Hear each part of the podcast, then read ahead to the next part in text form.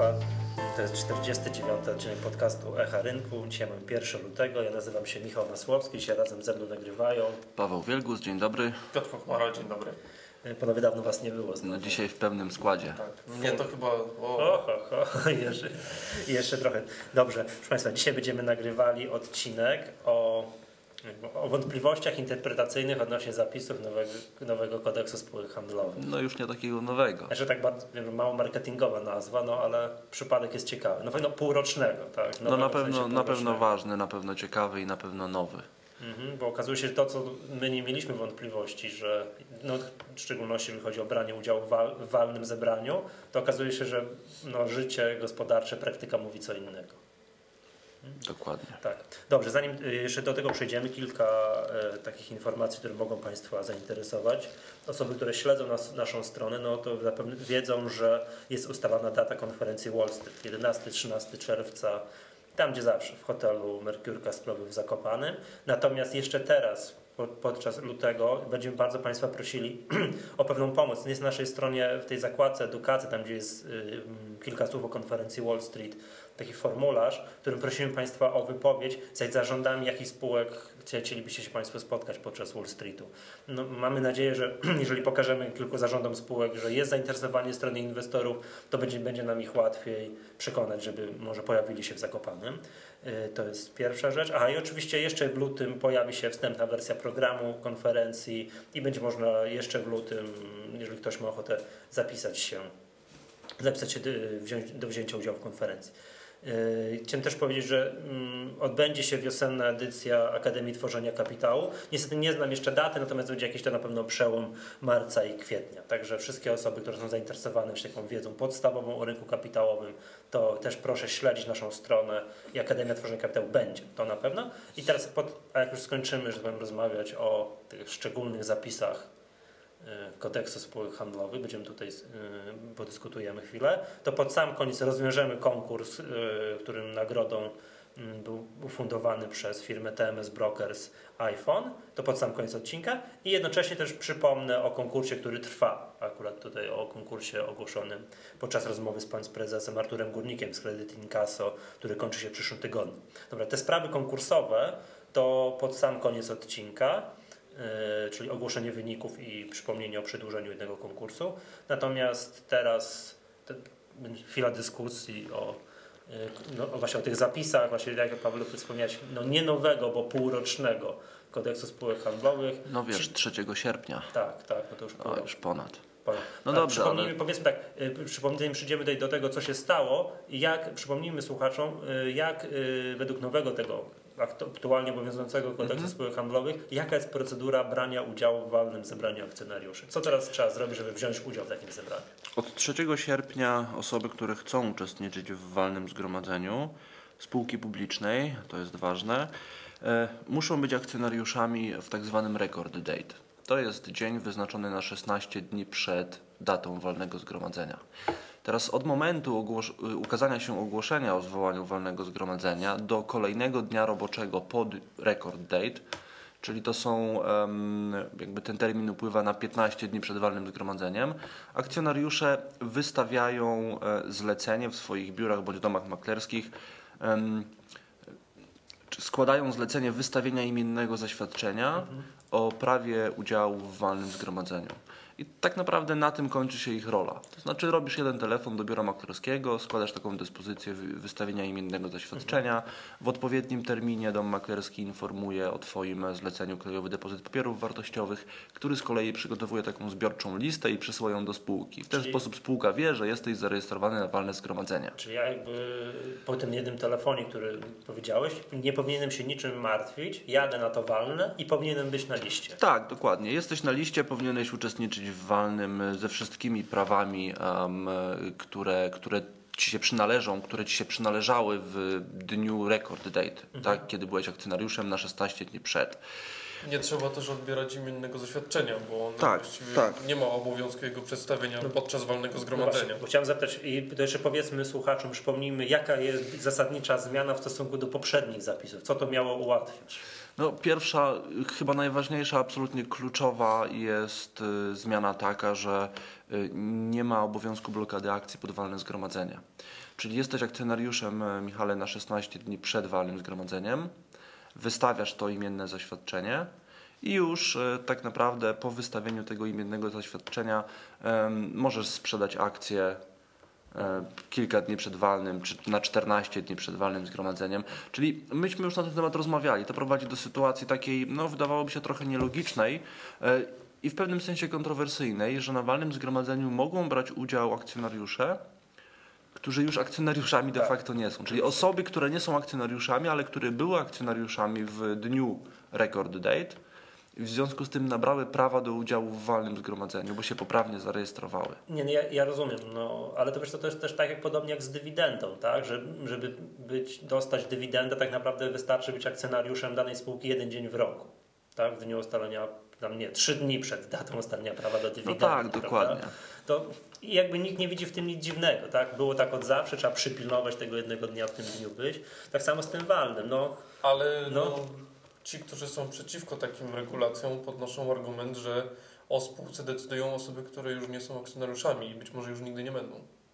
No rozumiem, że to jest jakby. Albo No. wręcz, mogą próbować zaskarżyć jakieś. Yy, no co do tego, jakieś to nie jest takie proste, A to nie wiadomo, tak? Bo A to zaraz Ci wytłumaczymy, No to to o tym też będziemy mówić, to za chwilę, ale nie najpierw może... tematów. Tak, może żeby Dobra, to po kolei, żeby to po stało, kolei tak? zrobić, e, na walnym zgromadzeniu spółki Veno, to jest taka spółka not- notowana na New Connectie, pojawił się podmiot, specjalnie nie nazywam go akcjonariuszem, IZNS Iława. E, Iława miała 14% akcji Veno. I wszystkie te akcje zarejestrowała na walne zgromadzenie, była akcjonariuszem w dniu record date. Mhm. Po tym dniu akcję sprzedała i pojawiła się na walnym zgromadzeniu jako już nie akcjonariusz, Ale z prawem głosu na tym walnym, bo w dniu rekordu bo była poprawnie zarejestrowana. No Jasne. i teraz e, my od początku zakładaliśmy, że poprawna rejestracja na walne zgromadzenie gwarantuje wszelkie prawa udziałowe, w tym również prawo zadawania pytań, prawo skarżenia uchwał, e, prawo przede wszystkim głosu, tak, to najważniejsze na walnym zgromadzeniu. No i okazuje się, że przewodniczący e, walnego zgromadzenia dokonał takiej bardzo literalnej interpretacji kodeksu spółek handlowych, a mianowicie wyraźnie rozdzielił prawo uczestnictwa od prawa głosu. Kodeks spółek handlowych mówi, że prawo uczestnictwa, podkreślam, uczestnictwa, mają osoby będące akcjonariuszami na 16 dni przed walnym zgromadzeniem. I przewodniczący walnego powiedział: Owszem, Państwo macie prawo uczestnictwa, ale nie macie prawa głosu. Bo prawo uczestnictwa i prawo głosu to są dwie różne ale rzeczy. uczestnictwa Taka w była wy- sensie nie zatrzymali ich na bramce, że tak powiem. Tak, pozwolili I oni im pozwolili im usiąść wejść na, na tym walne krześle, zgromadzenie. Tak? I Tak, to jest dokładnie. właśnie filozoficzne pytanie do przewodniczącego, cóż miałoby oznaczać uczestnictwo. No bo siedzi sobie tak, przedstawiciel spółki ZNS Iława. Może... Czy ja nie, tak, Piotr tutaj ciekawą kwestię poruszył. Co to, co, co to znaczy, znaczy, że uczestnictwo to mam, przepraszam, poje, pojechać i listę podpisać? Że, że byłem? Albo posłuchać prezesa? No na to No, wygląda. nie do końca o to chyba chodzi w uczestnictwie w walnym Dobra, ale zgromadzeniu. przewodniczący zebrania stwierdził, że, ten, jest, że wolno ten przedstawicielom uczy- tej spółki ZNS Iława tak, uczestniczyć, ale nie wolno nic poza tym. Typu nie wolno im głosować. A na wolno... pewno nie można wykonywać prawa głosu. Nie wiemy, czy nic poza tym, ale na pewno nie można wykonywać prawa głosu. Hmm. No i przyznam się szczerze, to sprawa jest dosyć dziwna, bo to mm, nie wiem, jakby do tej pory nie rozpatrywaliśmy czegoś takiego, tak? Rozpatrywaliśmy tam różne rzeczy. Pamiętam, że e, chyba, że o, o listę uprawnioną do głosowania mógł, do, mm, mm, mógł prosić tylko akcjonariusz i to Tak. faktycznie wiązało się z udowodnieniem, czy ktoś jest akcjonariuszem, czy nie. To też jest moim zdaniem lekka nadinterpretacja, no ale to już jest przypadek taki jak Przy najbardziej tym też oczywisty. pojawiają się jakieś problemy, na przykład przekazywanie, dalsze przekazywanie informacji o akcjonariuszach uprawnionych. Czy jedna osoba, która jest akcjonariuszem i wnioskowała o listę, może dalej przekazywać innemu akcjonariuszowi, albo na przykład osobie, która nie jest akcjonariuszem? Czy jak już, czy posiada, nie Tak. wiem. No może, jak ma, mam przed sobą, to mogę koledze pokazać. No nie jest to takie chyba proste, ale to chyba jest też osobny temat. E, Ale wracając do mm, e, kwestii Veno i tej e, chyba bądź co bądź e, precedensowej. Dobra, ale co tam się E, stało? sprawy. Co tam się stało dalej na tym walnym? Faktycznie przez to No, myślę, stało się to, że przedstawiciel Iławy siedział po prostu na walnym bez prawa głosu, czyli uczestniczył bez prawa głosu. czy według Was miał, ma on prawo, miał prawo do zaskarżenia takiego, nie wiem, postanowień takiego Wiesz co? Michale, na to pytanie odpowiemy Ci może za 10 minut, dobrze? Mhm, dobrze. Jakby na zakończenie tego wątku i na zakończenie tego tematu, bo to jest również ciekawa, ale osobna kwestia. E, Natomiast no, jakby chyba będziemy tutaj z Piotrem, no, czy generalnie wyznajemy ten sam pogląd, prawda? I tą samą filozofię, przy czym ja mam, ja mam pewne ale. Jakby mam pewne zastrzeżenie tutaj. Em, Dobra, to zdradźcie, tak, tą nową religię, którą wyznajecie. No, nowa religia jest taka, że my, że my się generalnie obaj nie zgadzamy z panem przewodniczącym tego walnego zgromadzenia. Uważamy, że nie wolno rozdzielić w ten sposób prawa uczestnictwa od prawa głosu, albo inaczej, e, chyba bardziej poprawne byłoby powiedzenie, że osoba, która poprawnie zarejestrowała się na walne zgromadzenie, chociaż nie jest już akcjonariuszem, również ma prawo głosu. Nie, no to ja jestem wyznawcą tej samej I taką tak, filozofię wyznajemy. To, to ja tak, no pan- panowie, tak nie zagłębiałem się bardzo w tutaj w sztuczki Mhm. prawne i tak dalej, natomiast moim zdaniem ten pan przewodniczący wygłupił się w tym walnym, to tak delikatnie. Jaka byłaby logika zmian, jeżeli pozwalamy sprzedać akcje, tak? Wprowadzamy procedurę rejestracji na wolne zgromadzenie, później pozwalamy sprzedać akcje, to jaka byłaby logika w takim działaniu, prawda? Nie ma żadnej. Nie ma żadnej. To intencja Jeżeli- ustawodawcy jeżeli byśmy- była jasna moim zdaniem. Dokładnie. Znaczy, Także tutaj- ograniczali prawo głosu, to by było w ogóle bezsensowne. Znaczy wyjazd na takie Wydaje się, że, wydaje się, że wykładnia celowościowa dyrektywy. A pamiętajmy, że właśnie ta nowelizacja kodeksu spółek handlowych, która te zmiany wprowadziła, jest implementacją odpowiedniej dyrektywy unijnej w sprawie wykonywania niektórych praw udziałowych. Tak chyba ta dyrektywa się e, nazywa. Ym, I jednak wykładnia odpowiednich zapisów e, dyrektywy moim zdaniem jest tutaj no, jednoznaczna. Znaczy, wszystko wskazuje na to, że my mamy rację, a przewodniczący walnego się e, pomylił. No, zresztą prowadzi to, gdyby się trzymać e, tego, co zrobił e, przewodniczący walnego zgromadzenia, gdyby uznać przez chwilę, że to jest interpretacja prawidłowa, to wy- wynotowałem sobie tutaj co najmniej trzy dość absurdalne sytuacje. W ogóle jest interesującą kwestią, skąd przewodniczący walnego zgromadzenia wiedział, że Iława już nie jest No, akcjonariuszem. jak oni mieli kilkanaście procent, Otóż to. to musieli mieli- sprzedając. Tak, mieli kilkanaście procent i sprzedali, więc puścili raport bieżący No i właśnie. przewodniczący wiedział. Ale teraz wyobraźcie sobie taką sytuację, że Iława sprzedaje akcje dwa dni przed walnym zgromadzeniem i obowiązek informacyjny jakby kończy się, tak? Czy ten końcowy termin na poinformowanie rynku przypada już po walnym zgromadzeniu. Wciąż nie jest akcjonariuszem, czyli mamy dokładnie taką sytuację, tylko przewodniczący o tym nie wie Mhm. i nic nie może zrobić. No jak nie wie, to, to on żyje w świadomości, że jednak jest akcjonariuszem. Dokładnie. A co w sytuacji na przykład takiej, kiedy ktoś, jak to może tak kolokwialnie powiem, bierze na klatę ewentualną karę związaną z niewy, niewywiązaniem się z obowiązku informacyjnego. Czyli sprzedaje akcję na dwa tygodnie, na 14 dni przed walnym zgromadzeniem, ale żeby nie mieć takich problemów, licza się z ewentualną karą finansową na przykład z Komisji Nadzoru Finansowego i nie informuje rynku tylko po to, żeby nie wprowadzać tego typu, tego typu wątpliwości Wiesz na walnym jeszcze, to jeszcze zgromadzeniu. zależy jak sprzedał, bo jak sprzedał na rynku, tak, powiedział po kilka, to, po małymi pakietami, to, to okej, ale jak sprzedały to na raz komuś dużemu, to ta, ta druga strona musi poinformować, że nabyła. No tak, dokładnie. To oczywiście są różne kombinacje tutaj. E, No i ostatecznie tak naprawdę przewodniczący, no w przypadku wszystkich akcjonariuszy domniemuje, że jednak, czy w, przy, w przypadku wszystkich osób przewodniczący walnego domniemuje, że te osoby są wciąż akcjonariuszami. Mówię o przewodniczącym tego walnego Veno. Mhm. E, Natomiast w przypadku Iławy wiedział tak na 100%, że nie jest akcjonariuszem, A no i mi- odmówił im prawa A głosu. powiedzcie mi, po co on to zrobił? Bo tam nie, nie śledziłem dokładnie tej sprawy. To jakiś był ukryty cel? Te 14% ważyło o, o jakiejś tam sprawie, nie wiem, przyznanie jakąś No, absolutorium, Tak, to było jakieś... istotne rzeczy. jakieś- Chodziło o emisję, o podwyższenie kapitału zakładowego. To jakby jest troszeczkę inna kwestia. Możemy ją chyba zostawić na boku. Nie jest może dla nas takie bardzo interesujące, z jakich powodów przewodniczący odmówił prawa głosu. Ja podejrzewam, że tam chodziło o to, że chyba Iława głosowałaby przeciwko podwyższeniu kapitału zakładowego. No i co w związku z tym? I rozumiem, to by zaważyło? Tak, to No by, za, to by zaważyło. No, jeżeli, no właśnie, no i teraz wracając do mojego pytania, które jest dla mnie tutaj najważniejsze, czy przedstawiciele tam Iławy mają prawo, nie wiem, Czy oni na pewno nie będą, oni tak? na pewno nie będą tego skarżyli, bo już powiedzieli, że nie będą skarżyli. Natomiast bo, może mają, w nosie, bo skoro sprzedali, no to, Chyba trochę tak. to, to, to już ich tak naprawdę nie dotyczy. Także, Natomiast y, to, czy mają prawo skarżenia tej uchwały, czy nie, to Piotrze.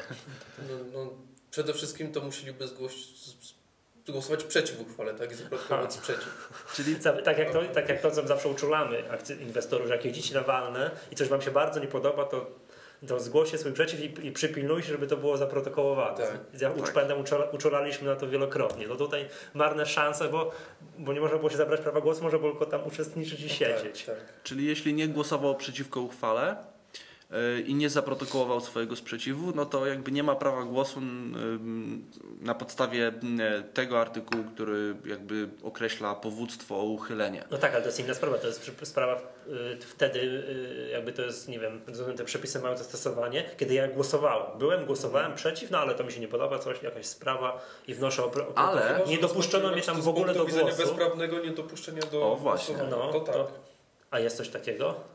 Jest. No, to- Yy, to jest- Tylko, że zobaczcie, w kodeksie spółek handlowych jest napisane, że prawo złożenia powództwa czy wytoczenia powództwa ma akcjonariusz, który nie został, który został bezprawnie niedopuszczony. A, i znowu jest użyte, Akcjonariusz. znowu jest użyte słówko akcjonariusz. Nie, Tak. No i teraz pytanie, czy oceniać to z punktu widzenia tego stanu, który był na 16 dni przed, był akcjonariuszem, miał prawo uczestniczenia w wolnym zgromadzeniu, czy z punktu widzenia już obecnego stanu, gdy nie jest akcjonariuszem? Znaczy, no to wiesz, No, no, ja nie jestem patrzysz panem na nas- mecenasem. Tak, Patrzysz na nas, chcesz, żebyśmy ci powiedzieli, tak? Zdania są bardzo mocno podzielone. To jest chyba ta najbardziej kontrowersyjna rzecz, bo wiemy, że mm, bez względu na to, czy chodzi o bezprawne niedopuszczenie, czy o głosowanie przeciwko itd., itd., to prawo wytoczenia powództwa o uchylenie bądź unieważnienie uchwały przysługuje akcjonariuszowi. Tak jest napisane w kodeksie spółek handlowych. A teraz w dniu walnego zgromadzenia Iława już nie była akcjonariuszem. Przypomina mi się teraz, że nie wiem, że albo w parkiecie, albo w pulsie biznesu na pierwszej stronie, w dniu, w którym ta sprawa wypłynęła, Mhm. to pan, chyba pan Zbigniew Jakubas generalnie miał uwagę, że znaczy uwagę. Znaczy, on jest chyba najsłynniejszym przeciwnikiem tego. tak, miał tego, uwagę, tego że kodeks spółek handlowych jest, nadaje się do przepisania od nowa. Tak? Że może intencje ustawodawcy były słuszne, no ale takich drobiażdżków, luk jest dużo. No, i, Mhm. no faktycznie, no nie jest już I teraz-. Zobaczcie jakby inny aspekt dokładnie tego samego problemu. Zadawanie pytań na walnym zgromadzeniu. Również jest to prawo przynależne akcjonariuszom. Tak jest wprost napisane w KSH, więc jeśli nie jesteś akcjonariuszem, czy to znaczy, że e, uczestniczysz nawet bez prawa za- zadawania pytań na walnym zgromadzeniu, czyli naprawdę to już jest przysłowiowe pojechanie i podpisanie listy. Czyli bez Żeby sobie posiedzieć, może zjeść dobre ciasto. A czy bez sensu byłaby taka interpretacja właśnie, że rejestrujesz się i uzyskujesz prawo uczestnictwa w sensie no, jakiegoś takiego ograniczonego Posiedzenia do- sobie. Tutaj Tak, pokazujemy pewne, pewne absurdy, do których taka interpretacja właśnie... Poza tym jeszcze dwie rzeczy. No, Prowadzi. Paweł mówił, że przewodniczący wiedział o tym, że IZNS już nie miał akcji, ale to nie ma znaczenia. Z punktu widzenia obowiązujących przepisów to nie ma znaczenia, czy on wiedział, czy nie wiedział. Jest procedura jest rejestracji, jeżeli ją Był wypełniłem, zarejestrowany i hołd. dokonałem wszystkiego, co powinienem zrobić, to jestem zarejestrowany i mam wszystkie prawa, które wiążą się z uczestnictwem w walnym zgromadzeniu. Jeszcze co, kropka. jeszcze dla mnie sprawa jest jasna. Jeszcze tak zadam takie pytanie, a co na całą sprawę Komisja Nadzoru Finansowego? Komisja Nadzoru Finansowego nie jest organem do oceniania Otóż e, to, takich sytuacji No z jak punktu to? widzenia prawa przepisów kodeksu spółek handlowych. dokładnie. Nie? To Czyli nie, tutaj jakby... nie, ta, nie ta ustawa. nie- To od tego ale- jest sąd. Jeżeli mamy jakieś wątpliwości, to do sądu, a nie do komisji. Czyli potrafię sobie wyobrazić sytuację, że jakieś, jakaś spółka chcąc utrudnić życie drobnemu akcjonariuszowi robi podobny numer, Znaczy to nie wynika z tego, że z jakiejś, nie wiem, złej woli Komisji Nadzoru Finansowego, tylko nie ma Nie, instrumentów, które, mu- którymi mogłyby wpłynąć na spółkę. No nie, nie, ja rozumiem, ale wracając tutaj do tej sytuacji. Potrafię sobie wyobrazić sytuację, że jakaś spółka chce zrobić na złość drobnym inwestorom, zrobi im podobny numer, tak? Tam wygrzebie, że jakiś inwestor nie ma już jakichś akcji, nie dopuści go do walnego i tak naprawdę procedura do nie wiem, dochodzenia praw to jest przez sąd. Tak. Nic innego tu się nie da zrobić. To zagadnienie ma w ogóle jeszcze inne ciekawe aspekty. Na przykład popatrzcie na całą sprawę mm, z punktu widzenia nabywcy akcji. Powiedzmy, że duży akcjonariusz rejestruje się na walne zgromadzenie i 10 dni przed walnym zgromadzeniem sprzedaje cały pakiet jakiemuś, jakiejś innej osobie bądź podmiotowi. Więc mamy jeden podmiot, czy jedna osoba jest poprawnie zarejestrowana na walne zgromadzenie, a druga jest akcjonariuszem. I teraz no, nabywcy tego dużego pakietu akcji w naturalny sposób powinno zależeć na tym, żeby brać udział w tym zgromadzeniu, w tym walnym zgromadzeniu. Ale nie może, A na, pe- rekord. a tak, na tak? pewno jest zainteresowany jakby przyszłością tej spółki i decyzjami, które na tym walnym zgromadzeniu zostaną podjęte. No i właśnie, nie jest uprawniony, jest akcjonariuszem na 10 dni przed, nie jest uprawniony, nie może się zarejestrować. Oczywiście wyjściem jest oczywiście pełnomocnictwo. Dokładnie, prawda? jest tutaj wyjście z sytuacji. Jakby zbywca powinien jednocześnie, rejestrując się na walne zgromadzenie, jednocześnie udzielić pełnomocnictwa nabywcy. Czyli akcjonariusz, Aha, ty Będzie jesteś na- nawalny, m- jesteś akcjonariuszem, ale będziesz. Wolno tak zrobić?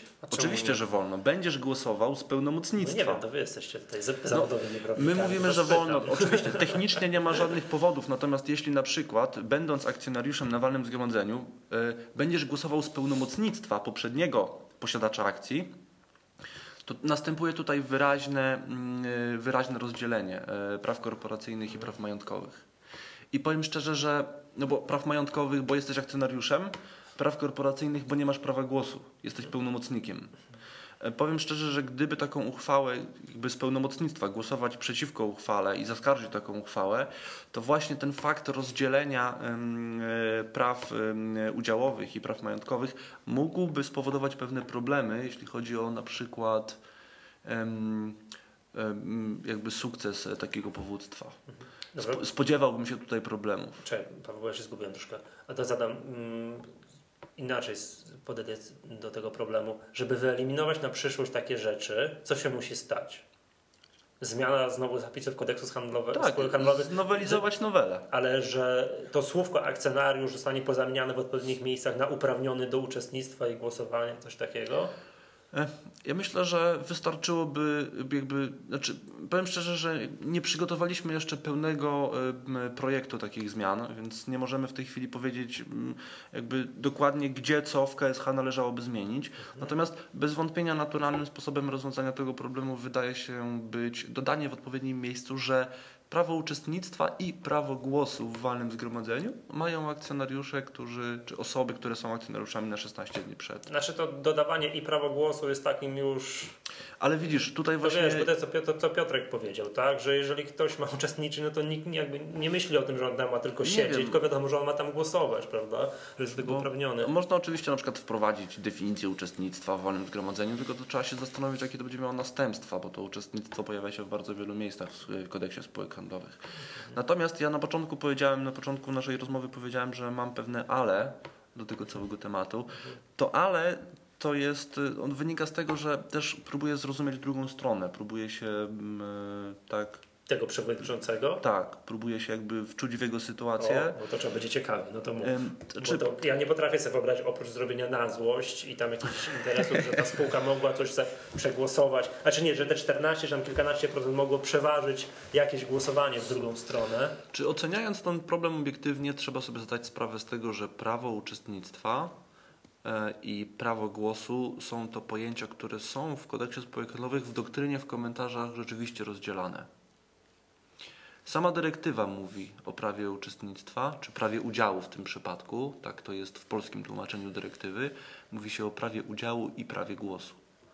Tak, jakby są to dwie rzeczy, rozumiem. które są to te dwie rzeczy, które się rozdziela. I teraz powiem Wam więcej. Rozdzielenie e, prawa udziału i e, prawa głosu, no, czyli jakby węższy aspekt w ogóle rozdzielenia praw udziałowych i praw majątkowych ma swoje uzasadnienie bardzo istotne, które A czekaj, próbujesz teraz jakoś na siłę jednak e, Nie, nie usprawiedliwić pana przewodniczącego, który wymyślił takową Próbuję sztuczkę? powiedzieć, próbuję powiedzieć, że pan przewodniczący walnego zgromadzenia dokonał nadinterpretacji. No to no właśnie, bez, wątpi- bez wątpienia.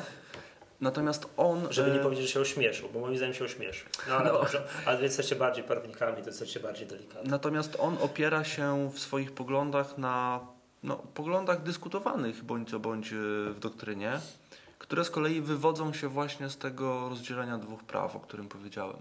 I to jest rzecz, która musi być. Trzeba sobie zdawać z tego sprawę. To rozdzielenie praw majątkowych od praw e, e, udziałowych, prawa głosu w szczególności, mm, musi być. Bo y, zwróćcie uwagę, że jest jeszcze w prawie taki problem jak głosowanie z akcji na przykład y, przez zastawnika. To nie wiem w ogóle o co chodzi. Tak? Jak masz na przykład ym, są, jeśli akt, twoje akcje są zastawem, Mhm, zastawem, na przykład zastawem kredytu, mhm. Tak? De facto prawa majątkowe w tym momencie należą się zastawnikowi, ja czyli na przykład głosować. bankowi, ale ty możesz z niego głosować.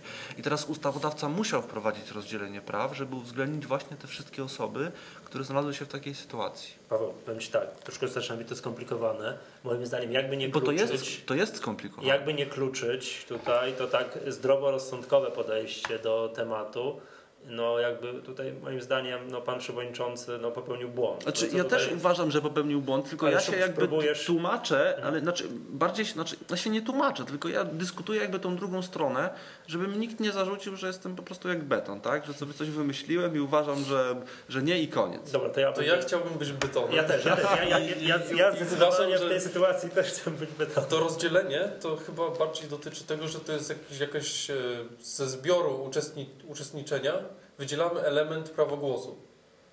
Bo w tym zbiorze uczestniczenia znajdują się różne elementy. Jest prawo głosu, prawo zadawania pytań i różne inne Mhm. wszystkie te rzeczy, które wiążą się z byciem na walnym zgromadzeniu. Mhm. Prawda? Nie możesz, nie możesz e, wykonywać prawa głosu bez uczestniczenia w walnym zgromadzeniu. Nie da się tego rozdzielić w tym sensie, że są dwie jakby oddzielne kwestie. Że Właśnie. jestem we Wrocławiu uczestniczę, a w Katowicach wykonuję prawo głosu. Właśnie, ciekawą rzecz poruszyłeś. W ogóle co jest nadrzędne wobec czego? Prawo No, uczestnictwa wobec prawo prawa głosu, czy odwrotnie? Panowie, to jak już pójdziecie na jakiś wykład dla studentów prawa z, tam, z kodeksu spółek handlowych, to Ale wiesz co, Michale, naj, będziemy- najśmieszniejsze jest to, że w artykule parkietu, o którym ty powiedziałeś, Tak. tam się wypowiadają, nie jestem w tej chwili pewien, trzy albo cztery kancelarie, czy przedstawiciele trzech albo czterech kancelarii. I zdania są naprawdę podzielone. Znaczy to oczywiście jest tak, że jeśli Veno wynajęło jakąś kancelarię, No prawda, właśnie, to oni to- znajdą taką interpretację, żeby pan przewodniczący miał rację, to ja sobie zdaję z tego sprawę. Natomiast wszyscy inni uważają, że coś tutaj jest jednak nie tak i jednak przewodniczący gdzie- popełnił błąd. Jestem dwóch ciekaw... prawników, tam trzy poglądy. Nie, no to jest oczywiste dla mnie, także... Y, Słuchajcie, no tak samo, wiecie, dowolny prawnik mi się wydaje, że może bronić jak jednej, jak i drugiej strony, tak? I po tym poznać, że on jest Tak. dobry. I właśnie że szkoda, że nie doszło do jakiejś dalszej drogi tego, tego No właśnie, No bo, bardzo szkoda, bardzo bardzo szkoda. no konfliktu. bo wiecie, bo w kolejnym, jak takim przypadkiem będziesz jakiś drobny, indywidualny akcjonariusz zostanie poszkodowany tą metodą, że on będzie miał tam tysiąc akcji jakiejś tam spółki za bardzo małe pieniądze. No i on, jemu nie będzie się też chciało sądzić, tak, i, bo znaczy nie będzie się chciało. No nie, nie zrobi tego, bo ponieważ koszty postępowania sądowego mogą być dla niego zbyt duże. A to, a co na przykład, jeżeli akcjonariusz miał powiedzmy, nie wiem, 20%, sprzedał 5, tak? Mhm. Czy tam sprzedał 10, informuje o tym, że sprzedał. No i przewodniczący go dop- dopuszcza do głosowania z, tylko z części, którą jeszcze ma, a z drugiej części nie? O właśnie. No, I co wtedy? A jeżeli to, a to jest decyzja ważąca. Nie wiem. Mi się wydaje, że to musi trafić Ale- na takiego inwestora.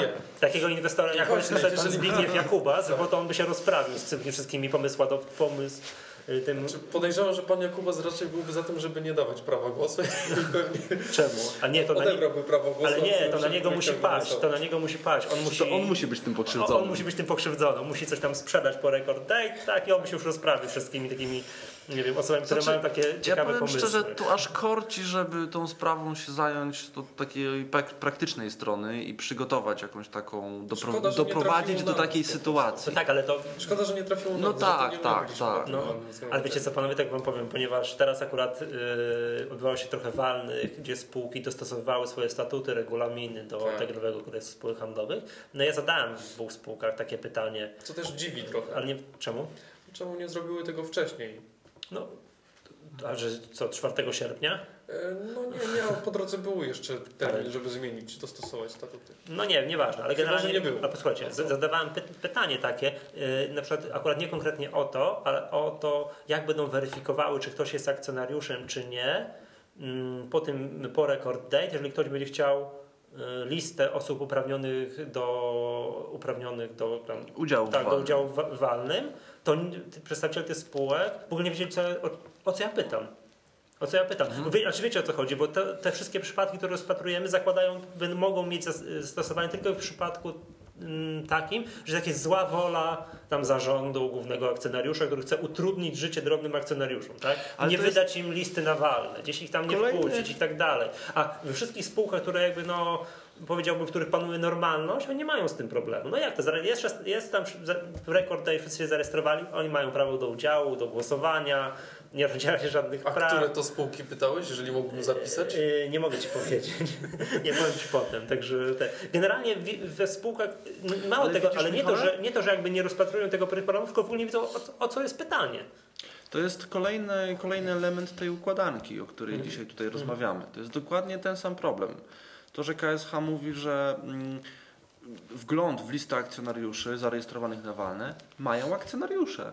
I znowu można dochodzić. I znowu wracamy do punktu wyjścia tak naprawdę. Czy to, że ja już nie jestem akcjonariuszem, mam, to oznacza, że mam prawo, chociaż jestem zarejestrowany, to Tak, mam ale prawo będę- poprosić będę o listę, walnym, a bo będę na walnym. Ale, ale jeszcze nie wiadomo, czy będziesz mógł głosować, bo zaraz się okaże, że to, co pan przewodniczący ma na myśli. A- Wiesz, wiesz o co chodzi. A moglibyśmy jeszcze zrobić coś takiego, Piotrek. Jak pojedziemy na następne walne, Perfidnie sprzedać albo. jakieś akcje przed Znaczy, to jakby zobaczyć, możemy tak poinformować. zrobić. Ale nie, to, to jakby będzie miało, akcje. będzie miało swoje konsekwencje dopiero wtedy, jak będziemy coś skarżyć, a nie możemy zakładać, że pojedziemy na walne i na pewno Będziemy zaskarżymy jakąś uchwałę. Tak nie można.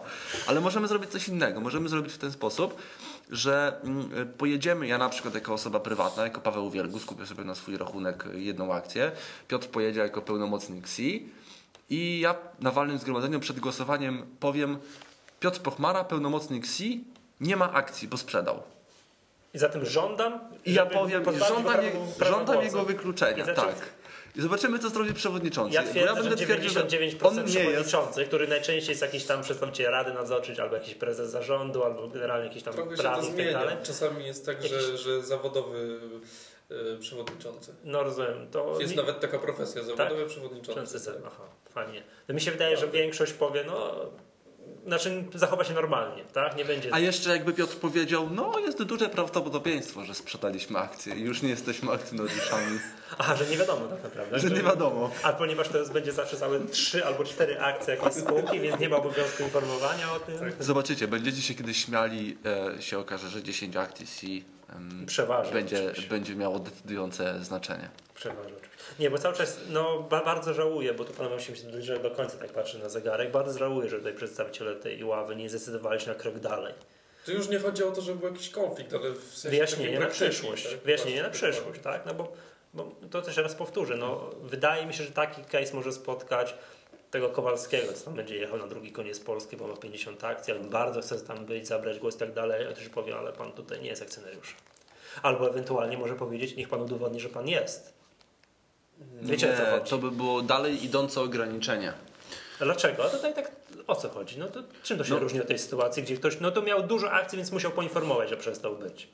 Nie, Tak. nie, nie, to jakby nie mam tutaj wątpliwości, już absolutnie żadnych nie mam wątpliwości. Teraz ty jesteś betonem. Tak, jestem teraz betonem. Nie można, nie można, absolutnie nie można osoby zarejestrowanej na walne zgromadzenie zmuszać niejako do tego, żeby udowodniły, że są akcjonariuszami. Ale być może Michał ma rację, też się nie jak- jakoś łączy.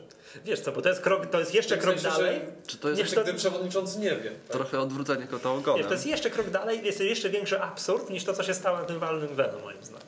Ale może tak być. No moim zdaniem przepisy powinny być na tyle jasne. Zarejestrowałem się, głosuję, nie ma Tylko, że żadnych Michał, wątpliwości do widzenia. one są jasne, dla niektórych nie, ale to wydaje mi się z takiego z takiej chęci no, podłożenia nogi albo znalezienia takiego punktu lub przepisu, który może utrudnić mojemu przeciwnikowi życie. To zawsze, no tak jest, ale Ale no i musisz pamiętać o tym, że przepisy muszą być ogólne. Bo inaczej to byśmy zrobili tak, że musielibyśmy opisać każdy przypadek i kodeks miałby nie 600 artykułów, tylko 1600. no rozumiem. To prawda, no więc jedyne co nam Dlatego pozostaje to tyle zarabiają w Polsce. czekać na Nie orzecznictwo. tylko w Polsce, ale to prawda. tak samo, że kodeks handlowy to jest taka książka, tak? Ja tutaj Państwu nie widzę, pokazuję, to jest taki tam półtora centymetrowy book, a komentarz to jest zawsze taka trzy razy większa książka. No tak. No to prawda, No. Prawda. Dobrze, panowie, przejdźmy, przejdźmy do tutaj spraw konkursowych. Dobrze? Będziemy losować? Mm, tak, znaczy już po- pomówię o co chodzi. Yy, przypomnijmy, że dwa tygodnie temu ja miałem przyjemność być w siedzibie TMS Brokers, yy, gdzie zrobiliśmy podcast o troszkę o analizie technicznej, troszkę o takich złotych zasadach inwestowania, podczas którego ogłosiliśmy konkurs. Ja przypomnę pytania. Yy, pierwsze pytanie dotyczyło, kogo uważa się za ojca analizy technicznej. I drugie pytanie, jak zazwyczaj y, wzrost ceny ropy skutkuje, mm, jeżeli chodzi o kurs dolar-złoty? No panowie, to jakie są odpowiedzi? To zdradźmy. Doł. Tak, Charles Dow. Chociaż tutaj było bardzo dużo różnych odpowiedzi. A Łącznie tak, a jakie pojawiały się no, oprócz y, niektórzy, niektórzy odpowiedzi, nie, William Gunn się często pojawiał. mhm. Y, I jeszcze pojawił się ten Japończyk, którego nazwiska nie pomnę, który generalnie ci Japończycy, którzy wymyślili świece japońskie, nie pamiętam w którym wieku. Tak? Że generalnie świece japońskie wzięły się z jakiegoś handlu rybami gdzieś, tak? To, to jest jakby y, geneza świec japońskich. Ale ponieważ tutaj, żeby nie było wątpliwości, że ktoś miał rację, a ktoś nie miał, mimo że to 90% odpowiedzi to był Charles Doe, to y, ja wziąłem w losowaniu wszystkie, od- wszystkie Aha, czyli mogłaby to być jakakolwiek odpowiedź, byleby to był dół. Y, nie, no wiesz, jakby ktoś powiedział na przykład, że nie wiem, że Piotr Pochmara jest twórcą analizy technicznej, no to być No. może bym go wykluczył z głosowania. Także- Rozumiem. Nie, ale wszystkich takich wziąłem pod uwagę, nie wszystkich takich, takich yy, gdzie pojawią się odpowiedzi, tam właśnie albo ten Japończyk, którego teraz nie przypomnę sobie, albo Charles Doe, zdecydowana większość odpowiedzi, albo William Gunn. I drugie pytanie, jeszcze raz przypomnę, jak wzrost ceny ropy skutkuje na umocnienie dolara czy osłabienie dolara? Umocnienie, no i tam tym samym umocnienie złotówki albo osłabienie złotówki. No panowie analitycy. Wzrost cen ropy, umocnienie złotówki.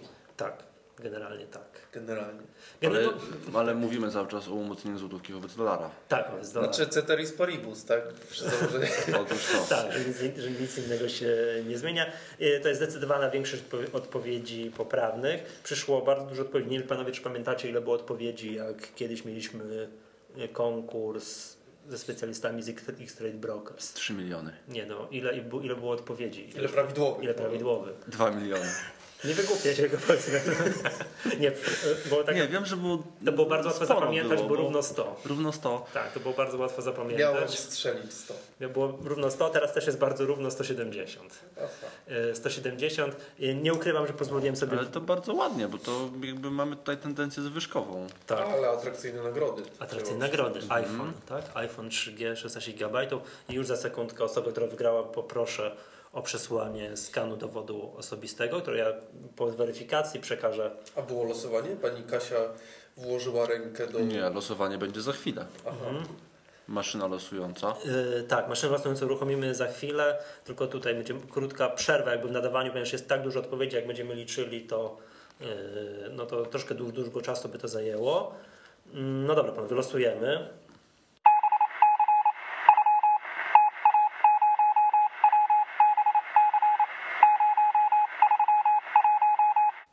Dobrze, i uwaga, zwycięzcą jest pani Katarzyna Kluka.